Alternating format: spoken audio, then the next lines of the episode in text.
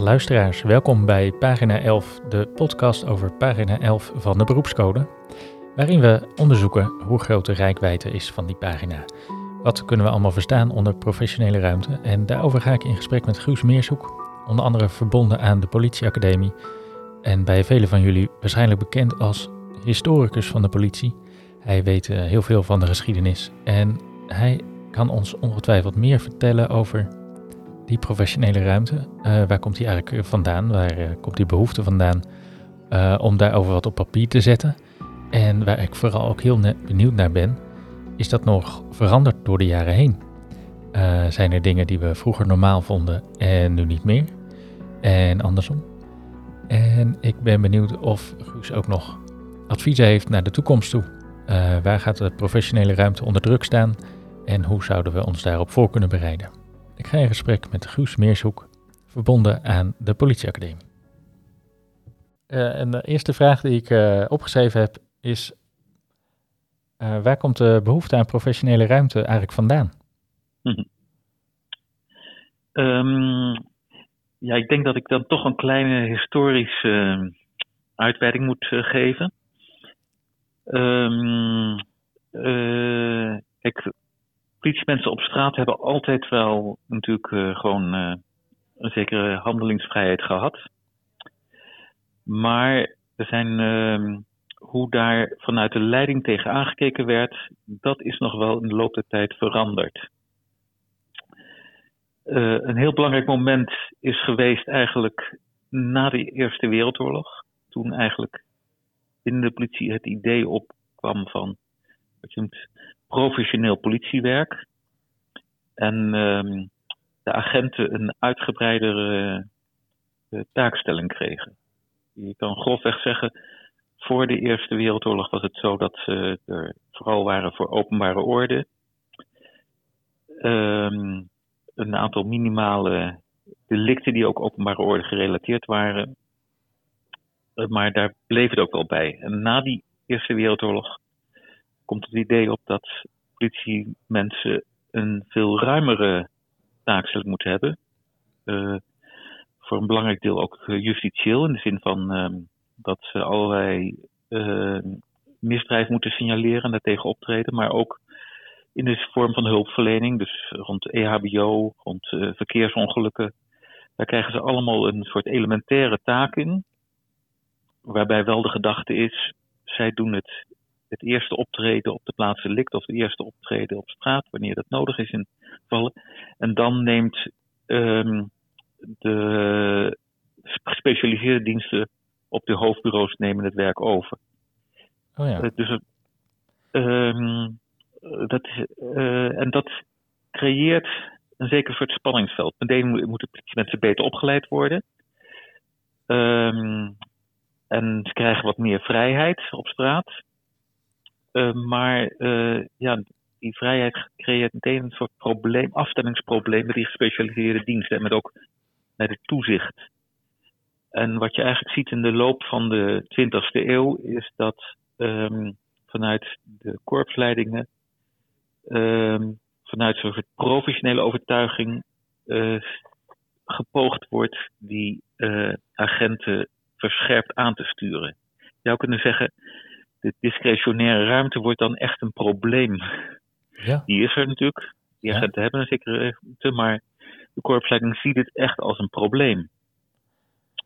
Uh, als er in de jaren 60 veel kritiek op de politie ontstaat, dan willen ze dat probleem ook aanpassen met nieuwe regels. Dus er komt in de jaren 60 komen geweldinstructies, want uh, geweld is met name waar veel kritiek op de politie is. Uh, maar ook ehm, ideeën over hoe je als goed agent invulling zou moeten geven aan je beroep. Dus dan is ook wel de eerste sprake van codes voor, voor goed politieoptreden. Dus als ik het uh, goed uh, beluister, is dan zeg maar, na de Eerste Wereldoorlog wordt het uh, takenpakket van de politie uitgebreid. Wordt eigenlijk meer van de politie verwacht. Ja. Ja. En daarmee ontstaat er vanuit de politieleiding ook behoefte aan om meer sturing te kunnen geven of daar meer grip op te krijgen. Ja, klopt. Uh, en dat, gaat... dat gaat niet altijd goed. Uh, in, in de jaren zestig nee. uh, is er dus um, nou, feedback, om het zo maar even te noemen, dat, dat te veel geweld wordt gebruikt. ja, dus dan zie je in eerste instantie van de korpsleiding dat hij gewoon de agenten gewoon strakker wil aansturen. Nog steeds omdat ze gewoon eigenlijk zien dat die discretionaire ruimte beschouwen ze eigenlijk als een probleem. Oké, ja. Dus vanuit het bureau, hoofdbureau wil men eigenlijk gewoon aan kunnen sturen wat er op straat gebeurt. Zoveel mogelijk. Ja. ja. En kijk, wat het bijzondere dan, wat er dan gebeurt eigenlijk, is dat er um, in de jaren zeventig een nieuwe generatie uh, leidinggevende opkomt. Uh, waarvan laten we nu de, de iconische voormannen zijn de mensen van politie en verandering geweest. Ja, kan je wat en namen die, noemen? Ja, dus dat zijn uh, mensen als Jan Jarda, Erik Noordholt, Ries Straver. Ja. En die, die die maken eigenlijk als het ware een volledige 180 graden draai. En die, die onderkennen ook die, dat die politieagenten discretionaire ruimte hebben. Ja.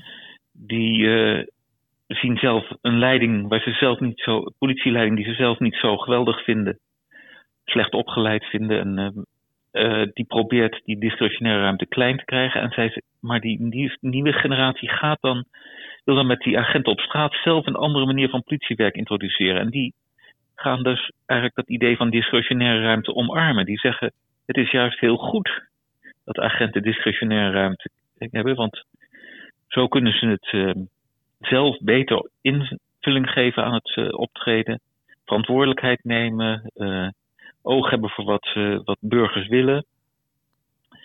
Dus je ziet dan eigenlijk een soort 180 graden draai van discretionaire ruimte wordt van een probleem, wordt juist de oplossing. Aha, dat is, dat is nastrevenswaardig. Dus we geven ja, de mensen. nastrevenswaardig. Op straat, op straat uh, krijgen de mensen weer ruimte. En uh, ja. uh, wat gaan die leidinggevenden dan doen? Nou, kijk, die nieuwe leidinggevende gaat natuurlijk zeggen van je moet. Ehm, het is niet zo dat je maar gewoon jezelf je gang moet gaan, maar je moet in teamvorming gaan werken. We gaan wijkteams oprichten, we gaan probleemgericht werken, we gaan je moet wel, dus wel gezamenlijk gaan optreden en gericht ook op die burgers. Dus zo geven ze, kan je zeggen, indirect toch wel een zekere sturing of, of, of kader natuurlijk aan die discretionaire ruimte. Het is uh, niet zo dat die uh, agenten helemaal vrijgelaten worden, maar er wordt op een hele nieuwe manier, uh, als het ware, invulling aan gegeven, waarbij in ieder geval wel inderdaad zo is dat politiemensen ook meer verantwoordelijkheid dragen. En dus ook wel uh, veel meer zelfsturing kunnen geven aan het optreden. Ja, nou dat klinkt uh, al anders dan die, die periode, laten we zeggen, Eerste Wereldoorlog tot de jaren zestig. Ja, dat is, dat is ook, uh, ja. Ehm, en um, nou kan je inderdaad wel zeggen dat natuurlijk um, nog wel een poging gedaan zo aan het begin van deze eeuw om, om ja, wel die, die discretionaire ruimte toch weer wat gaan inperken. Hè. Dus dat gaat in de vorm van het New Public Management, waarin ze de politie quota gaan stellen en gaan zeggen van je moet toch meer verbalen maken. Allemaal dat soort dingen. Proberen toch een beetje, ja, laten we richtlijnen en instructies te geven aan het personeel. Maar dat heeft in Nederland eigenlijk nooit echt goed doorgezet. Nee. Dan moeten we denken aan de, de bonnenquota bijvoorbeeld. De bonnenquota, en daar moet je dan aan denken inderdaad, ja. ja. Uh, dus dat is wel weer een soort... Uh, dat, daar zit ook wel vanuit, meer vanuit ambtelijke en ministeriële kant een soort ergernis over die ruimte in. Maar um, dat is, heeft zich nooit goed door kunnen zetten in de Nederlandse politie. Nee, maar ik kan me ook wel iets voorstellen bij die ergernis. Want um, uh, mm we geven onze collega's nu ook wel veel ruimte toch op straat. Dus ik, ik kan me voorstellen dat de minister, uh, die, die op zijn of haar beurt ook weer verantwoording moet mhm. afleggen, uh, wel iets, uh, iets van cijfertjes wil hebben. Um, ja, alleen kijk, het bijzondere van de politieorganisatie eigenlijk is dat, um, en dat is een verschil met, met heel, heel veel, veel andere overheidsinstanties en organisaties, is dat naarmate je lager in de hiërarchie komt, je meer discretionaire ruimte hebt. Of omgekeerd zeggen, van hoe hoger je in de hiërarchie komt, hoe minder discretionaire ruimte je hebt. En dat betekent dat je eigenlijk vanuit de top heel moeilijk die uh, ja, laten we daar sturing kan geven aan wat op de basis gebeurt. Dat moet je inderdaad uh, doen, wel zoals die generatie van de jaren 70 en 80 dat heeft gedaan. Dus een, toch een soort visie neerleggen op het politieoptreden en hopen ook dat je het personeel op straat van die visie kunt overtuigen. Maar uh, het is in de politie onmogelijk om als het ware dat uh, die, uh, het als een soort, ja, of het nou militaire of ambtelijke organisatie is, de politie aan te sturen. Ja, dus gewoon top-down zeggen wat er moet gebeuren, dat, dat zit er niet in bij de Nederlandse politie. Dat, dat werkt niet. En dat werkt zelfs bij geen enkele politie eigenlijk. Maar in sommige landen denkt men wel dat het werkt. En dan, uh, dat dacht men natuurlijk in Nederland ook in het grootste deel van de 20e eeuw dat het werkte. Maar, ja, nu, uh, nu is er toch enige professionele ruimte. Nou, die wordt dus genoemd in, op pagina 11 van de beroepscode. Mm -hmm. um, waar ik ook nog wel benieuwd naar ben, is um, zijn er ook uh, ontwikkelingen geweest wat zeg maar, vroeger wel normaal was en tegenwoordig niet meer. Um, ik, ik, ben benieuwd of dat, is dat zeg maar altijd hetzelfde geweest of zitten daar ook ontwikkelingen in door de jaren heen? Ja, natuurlijk hoe de agenten invulling hebben gegeven aan die discretionaire ruimte, dat is in de loop der tijd ook, ook wel veranderd.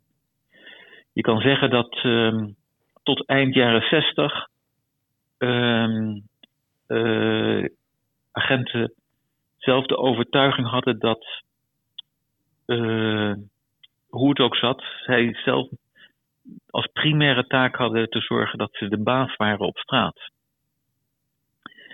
En dat betekent, ze hadden natuurlijk te, maken met het toezicht van de leiding. En dat was ook natuurlijk wel erg lastig en vervelend soms. En tegelijkertijd moesten ze proberen ja, toch de baas te blijven op straat, zodat burgers gewoon deden wat, uh, wat hen gezegd werd. En daarvoor deden ze ook allerlei dingen die eigenlijk niet, uh, niet hoorden, of waarvan ook de leiding niet wist dat ze gebeurden. Ja, heb, heb je daar een voorbeeld van? Wat eigenlijk niet door de beugel komt? Nou ja, kijk, ik bedoel, um, je um, hebt tot, uh, tot in de jaren zeventig uh, uh, hadden politiemensen een overtuiging dat er in de samenleving een groep waren die ze, ja, lastige burgers waren, zou je kunnen zeggen. Of in ieder geval, daar zijn ook allerlei termen voor. Die, die gewoon, ja, af en toe gewoon uh, met een wat klappen in het gereel gehouden moesten worden. Aha. Dus er was tot in de begin van de jaren zeventig was in uh, geweldsgebruik, wat nu absoluut niet meer zou kunnen, omdat het ja, gefilmd wordt en meteen tot een enorme opschudding leidt. Ja. Maar dat in de jaren zestig gewoon nog heel goed kon, omdat die burgers nooit klachten zouden indienen. Er, was ook geen mogelijk, er waren ook nauwelijks mogelijkheden voor. Ja. Ja. Um, en waarvan de politiemensen zelf dachten van het is wel nodig, omdat het, ja, het burgers waren die uh, anders niet luisterden naar de politie. En dat vonden ze een ernstig probleem. Dus een soort uh, pedagogische tik van de, van de sterke arm. Ja, inderdaad. Zo zou je het kunnen zeggen. En um, uh, dat, dat vonden we dus in de jaren zestig normaal, althans dat werd, werd gedaan. Um, maar nu, nu zouden we dat toch minder snel doen. Althans, dat zouden we nu niet normaal vinden. Nee, zeker niet. Kijk, um, als je dus. Uh, je hebt tot in die jaren. begin jaren zeventig heb je echt een, wat heet een crimineel milieu. Dat is gewoon eigenlijk een deel van de samenleving, wat je ook wel wat je geografisch en, en fysiek kunt onderscheiden. Ook specifieke cafés en buurten zit. Um, waarvan de, ja, de, de mensen die ze daar ophielden, inderdaad van de politie wel klap konden verwachten. En geen, geen moment zouden zeggen van hier zou ik tegen protesteren. Uh, dat is nu natuurlijk helemaal anders. Ja. Uh, maar uh, toen was dat, een, zeg, een marge van de zaten ze in de marge van de samenleving. En daar werden ze als het ware ook wel fysiek in die marge gehouden. Ja, dus um, uh, net noemden we al even uh, een ander beeld van, uh, van politieleiding, dat door de jaren mm -hmm. heen veranderd is. Maar ik hoor jou nu mm -hmm. ook zeggen, um, de, de mogelijkheden voor, voor burgers om te reageren op politieoptreden zijn ook veranderd. Dus vroeger kon je het gaaiers gewoon verrot slaan en dat was niemand die dan vervolgens zijn vinger op kon steken van hey, politie, dat is niet de bedoeling. Mm. Maar vandaag de dag met social media en weet ik welke mogelijkheden er allemaal zijn, um, gaat, gaat de politie ook zijn gedrag aanpassen. Ja, kijk, tot, tot in de jaren zeventig was het zo dat als je je wilde beklagen over politieoptreden, dan moest je een brief sturen naar de burgemeester. En die burgemeester die vroeg dan aan de plaatselijke politiechef van uh, hier heb ik een klacht, wat uh, kan je eens even informeren bij de leidinggevende van deze agent uh, wat er is gebeurd. En dan schreef zo'n politiechef natuurlijk een keurige brief terug van dat het allemaal volgens de regels gebeurd was. En dan was de zaak afgehandeld. Maar je ziet in de tweede helft van de jaren zeventig dat dan de eerste klacht, onafhankelijke klachtencommissies opkomen. En dan ja, die weten ook wel de, de pers te vinden. En dan staat eigenlijk voor het eerst dat je ja, dus uh, tegen politieoptreden kunt gaan klagen. En soms ook je klachten zelfs gehonoreerd gaan worden. Ja, ja. Nou, en uh, vandaag de dag lijken we ook mensen in onze samenleving te hebben die daar ongeveer hun baan van gemaakt hebben. Uh, om klachten in te dienen. De mogelijkheden zijn wel breder geworden. Ja, de mogelijkheden zijn, zijn inderdaad veel breder geworden. En ehm, de politie is natuurlijk ook heel erg gevoelig geworden voor publiciteit. Ja. En, uh, en is de professionele ruimte daarmee ook kleiner geworden eigenlijk? Um, dat is een moeilijke vraag. Het is natuurlijk wel, het ligt aan ook hoe je, hoe je dat ziet. Kijk, uh, geweldsgebruik, uh, daar zit, uh, daar, dat is, de mogelijkheden daartoe zijn veel minder geworden. De politie wordt op juist de publieke opinie en burgers zijn heel veel gevoeliger geworden voor geweldsgebruik door de politie. Ja. Um, dus dat, op dat vlak is het zeker veel minder mogelijk. Um, anderzijds heb, bedoel, heeft de politie natuurlijk toch wel um, een veel bredere sociale taak gekregen. En kan ze op die manier ook wel veel meer doen. Dus uh, je, het is de speelruimte is heel erg veranderd, zou ik zelf zeggen. Ja, en dat, uh, dan moet ik denken aan uh, wat je vertelde over de politie, zeg maar, voor de Eerste Wereldoorlog. Dat was vooral uh, handhaving. Mm -hmm. En dat de politie vandaag ook veel met hulpverlening bezig is. Ja, kijk, je ziet ook dat tot de jaren zestig heeft de politie vooral, die professionele politie ziet zichzelf vooral als een organisatie die strafrechtelijk handhaaft. Die dus de wet kent en uh, um, professionals zijn. En dus um, zich ook als professionals in die zin afschermen van burgers. Zeggen dat burgers gewoon uh, geen, beslist geen eigen richting mogen plegen. en dat uh, die, die, die puur strafrechtelijke definitie van een eigen taak, dat, dat is uh, de laatste 50 jaar natuurlijk aangrijpelijk, aanmerkelijk veranderd. De politie zijn tegenwoordig een, een, uh, een brede hulpverlener die ook veel sociale vaardigheden heeft en ook allerlei met bemiddeling heel veel problemen kan oplossen. Dus in die zin, op dat vlak heeft ze als het ware haar invloed uitgebreid. Ja. Ja, en ik begrijp dat met dat uh, de, het takenpakket van de politie veranderd is en ook wel dus mhm. behoorlijk uh, uitgebreid is, dat daarmee de, ook het idee van professionele ruimte ook ontwikkeld is. Want dan ja, kan je weer andere dingen doen op straat. Ja. Of je ook maar zit in de organisatie. Um, waar ik nog ook benieuwd naar ben, um, Guus, we hebben ook al samen onderzoek gedaan naar bijvoorbeeld drugsgebruik bij de politie. En dat mhm. noem ik nu even omdat dat volgens mij een mooi voorbeeld is van iets wat in de samenleving uh, lijkt te normaliseren. Ik formuleer het mhm. allemaal wat voorzichtig, maar ik mhm. ben op zoek naar een voorbeeld waarvan we in de samenleving zeggen: Nou, jongens, vanmor uh, uh, niet vanmorgen, maar eerdaags vonden we dat niet kunnen, drugsgebruik. Maar vandaag de dag wordt dat steeds normaler. Um, uh, en ik kan me dan voorstellen dat er op een zeker moment een punt is dat we zeggen, Hm. Nou, politiemedewerkers die dan drugs gebruiken, uh, dat, dat moet ook kunnen. Dus het is heel verleidelijk voor mij om te vragen, Guus, vind je dat een goed idee? Dat ga ik niet doen. Maar ik noem het even als voorbeeld van, van iets dat normaliseert in de samenleving, waardoor het, de politietaak ook verandert in die professionele ruimte. Uh, zijn die voorbeelden? Um, nou, kijk, um, uh, het is voor de, uh, de politie zit op dat vlak in een beetje een tweeslachtige relatie. Um, enerzijds is het heel belangrijk dat een politie uh, goed de uh, veranderende normen in de samenleving aanvoelt. En ook bij burgers de indruk kan wekken van luister ik ben, ik ken jullie wereld, ik snap hoe het er gaat. Um, um, dus in die zin ook voor burgers een, een mogelijkheid bieden voor identificatie. Maar anderzijds moet de politie natuurlijk ook mensen kunnen corrigeren. En dat betekent dat je overwicht moet hebben. En dat je ook wel de vrijheid moet hebben om, om, uh, ja, om mensen aan te spreken op hun gedrag. En op zo'n manier aan te spreken dat je niet het verwijt terugkrijgt, maar je, ja, jullie doen het zelf ook.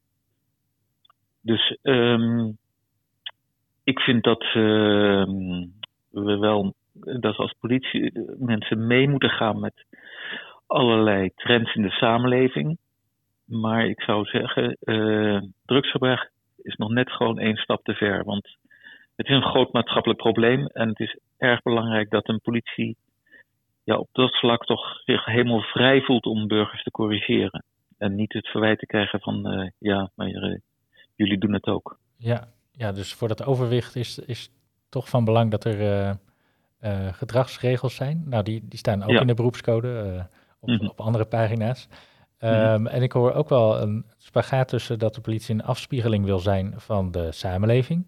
Mm -hmm. Maar als we dat te veel doen, dan um, en daarmee ook de normen één op één overnemen. de, de, de beetje de officieuze normen, zoals nou ja, een pilletje af en toe, dat moet toch kunnen. Dat zou juist het, het gezag van de politie ondermijnen. Ja, kijk, ik kan uh, me goed voorstellen dat je als uh, geconfronteerd met het huidige. Ik vind uh, het drugsprobleem is echt een, een fors maatschappelijk probleem. En we weten uit manieren waarop je ehm, opnieuw als het ware handhavend optreedt tegen dit soort problemen, dat je dan moet zeggen van nou we gaan een deel, we gaan de, de, de rode uh, grens, als het ware, de rode lijn verleggen. Dat wil zeggen dat als je, dat je een, misschien een deel van een het probleem moet zeggen, dat gaan we decriminaliseren, zodat we de rest scherper kunnen criminaliseren. Dat is een manier waarin het verleden ook wel uh, dit soort problemen zijn aangepakt. Maar die situatie is er natuurlijk nog niet. Ik bedoel, um, uh, de, daarvoor zijn we als politie toch gewoon afhankelijk van wat de politiek doet. En uh, zolang de politiek niet zegt van we gaan de rode lijn elders trekken, ja, moet je toch als politie je gewoon houden aan de bestaande normen. Ja, daar heb je dan nou eenmaal toe te verhouden. Ja. Nou, dat, wellicht krijgt dat nog een gevolg, uh, vervolg over, uh, nou, mm-hmm. ook in het licht van hoe er verder met naar drugsgebruik gekeken gaat worden. Mm-hmm. Um, ik ben ook nog wel benieuwd, we kunnen jou, Guus, eigenlijk niet spreken zonder ook even over de Tweede Wereldoorlog te spreken, want daar weet je ook veel van en de rol van de politie daarin. Um, en ik wil het daar even met jou over hebben, omdat het volgens mij een periode is waarbij um, nou, de politiemedewerkers van destijds behoorlijk onder druk mhm. stonden. Mm -hmm. nou, het, het, voelt haast een beetje flauw om te zeggen, hun professionele ruimte stond onder druk. Uh, ik heb de mhm. indruk dat ze die helemaal niet hadden. Um, wat kunnen we eigenlijk leren van die periode voor nu, als het gaat om professionele ruimte? Um, nou, de, um, het politiemensen hadden wel professionele ruimte in die periode. Maar uh, het grote, ik denk dat misschien de belangrijkste les die je daaruit toen kan leren, is dat um, met name de leidinggevenden het toen hebben af laten weten om aan te geven van waar uh, je de grenzen moet trekken. En um, ik denk dat uh, als er één ding is misschien wat we, er, er valt veel over die periode te leren en er valt ook ja. veel over te zeggen. Ja.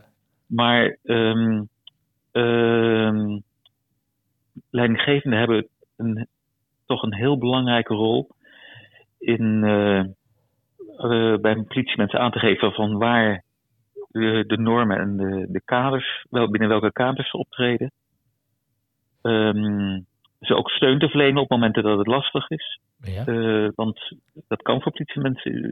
Uh, ze komen vaak in situaties waardoor ze behoefte hebben aan, aan steun van collega's, medewerking en van de organisatie.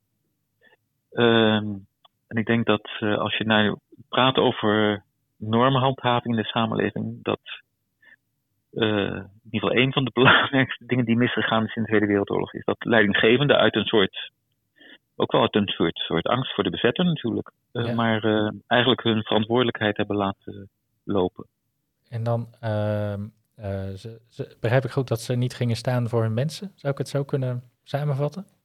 Ja, en gewoon aangeven van waar de rode, wat je wel kon doen en niet kon doen als, als, als politieman of ja, we praten voornamelijk over politiemannen dan nog ja. uh, op straat. Ja. Dus um, en uh, dan, uh, dan gebeurt het heel gauw dat je als gewone politieman of vrouw dus, ja, op een glijdende schaal komt en dat je gewoon niet meer weet wanneer je nou zelf moet zeggen van hier is mijn grens. Ja, ja. En dan krijg je gauw de situatie, vermo vermoed ik, van bevel is bevel. En dan heb je met te volgen. Ja, dat is natuurlijk iets uh, wat, um, wat men veel achteraf heeft gezegd. Hè? Want bedoel, het is natuurlijk een, uh, een gevleugelde term geworden, in, met name in Duitsland allereerst, na de oorlog.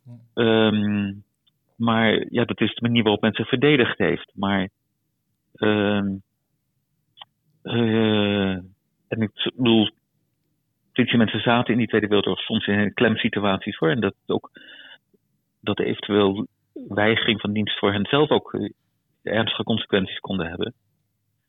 Maar het, is, het was geen militaire organisatie, ook toen niet. Nee, nee.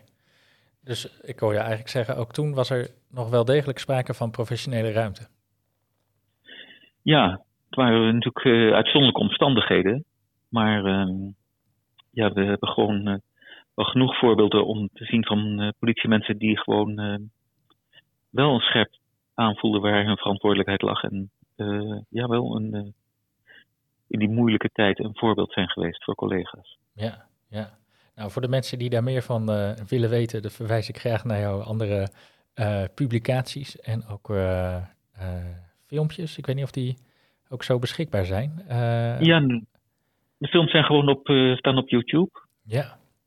En er komt over een maand een nieuwe film bij. Dus, Kijk, dat moeten we in de gaten houden. Um, uh, ik wil zoekjes aan uh, richting een afronding. Ik heb nog een vraag. Als je kijkt naar de, uh, naar de toekomst, um, mm -hmm. zie je aspecten waardoor de professionele ruimte nou, extra onder druk komt te staan?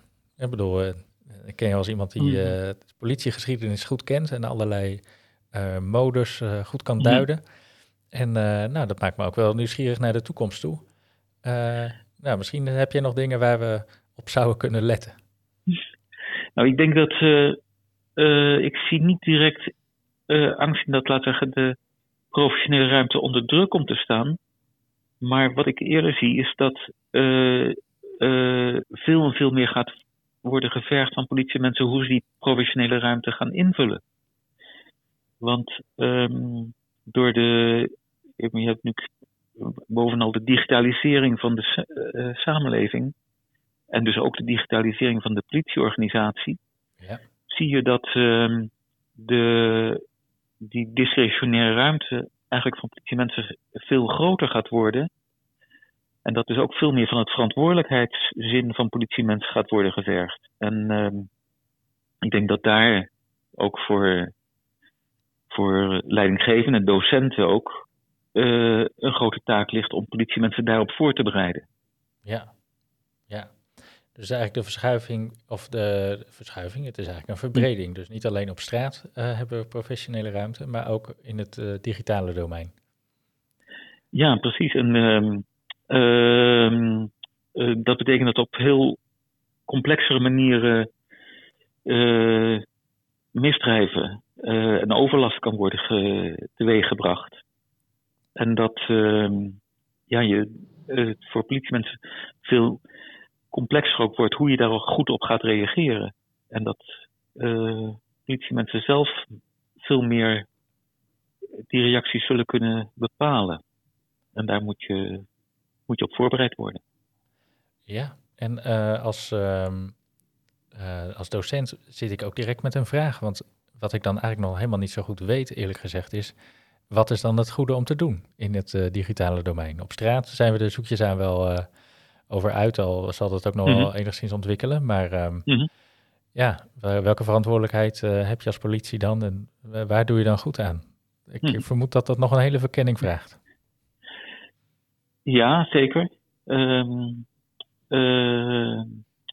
misschien dat de grootste uitdaging op dat vlak zit eh, dat je ehm, eh, voldoende empathie ontwikkelt om te kunnen blijven voorstellen wat de uitwerking is van je optreden concreet in de samenleving of op straat inderdaad. Um, dat je, nou je met die moderne digitale vormen van fraude ziet dat um, uh, het uh, politieoptreden daardoor complexer wordt. Dat het, uh, de aanpak van dat soort fraudes loopt dwars door de hele organisatie heen soms. En uh, dan moet je toch voortdurend goed in de gaten houden van ja, wat betekent dit nou concreet aan corrigerend optreden bij de betrokken burgers. Ja, ja dat vraagt wel wat extra inlevingsvermogen. Ja, inlevingsvermogen en verbeeldingskrachten. Ja, nou, ik uh, vermoed daar kunnen we haast nog wel een eh, aparte aflevering over gaan wijden. Uh, hoe uh, politiewerk in die context eruit uitziet. Um, ik wou zoekjes aan richting een, een afronding. Is er nog iets wat je, als je denkt aan pagina 11, graag met ons zou willen delen, Guus? Mm, nee, het voornaamste om die discretionaire ruimte is dat je denk ik moet zien als een iets wat het politiewerk tot een hele mooie, een heel, maar ook heel verantwoordelijke publieke functie maakt. En dat, uh, ik denk dat uh, iedere politieman of vrouw daar uh, ook ja, heel veel ja, betekenis voor kan geven, ja, in, aan kan ontlenen voor ja, je, eigen werkzaamheden eigenlijk als het ware. Je, kan, je mag zelf voor een deel je, je functie vormgeven, dat brengt veel verantwoordelijkheid met zich mee. Maar het is mooi dat je dat mag, zou ik zeggen. Ja, dat geeft je werk ook uh, betekenis. Dus misschien juist ja. de lol van het politiewerk. Zeker, ja. Er zijn uh, twee dingen die mij opvielen in gesprek met Guus. Allereerst de rol van de leidinggevende. Hij noemde dat uh, in de Tweede Wereldoorlog, maar het kwam ook in andere fasen van de geschiedenis terug. Dat de leidinggevende enerzijds de mensen op straat moet aansturen, ehm, maar ook ruimte moet geven. En ook duidelijk moet zijn naar het team hoeveel ruimte er is. Ehm, bijvoorbeeld ook in relatie tot de overheid, het bevoegd gezag dat van alles wil. Uh, nou, hoeveel ruimte heb je dan eigenlijk? En gaat jouw leidinggevende je ook steunen in het pakken van ruimte? Uh, dit klinkt wat abstract, dus daarom ben ik ontzettend benieuwd of we praktische voorbeelden kunnen vinden in het land. Waarbij we de rol van de leidinggevende verder uit kunnen pluizen. En een andere interessante vond ik, um, als we keken naar de toekomst, het optreden van de politie in het digitale domein. Waarbij um, Guus het al had over empathie. Dus het uh, inlevingsvermogen, wat van belang is. Ook de complexiteit van zaken als het bijvoorbeeld om digitale fraude gaat. En dat daar professionele ruimte misschien wel heel anders uit kan zien. Nou, hoe gaan we daarover het gesprek aan met elkaar? Hoe kunnen we elkaar daarop uh, voorbereiden? Wat kunnen we daarin doen in het onderwijs? Dat levert allerlei vragen op. En ik heb er veel zin in om dat ook verder uit te pluizen.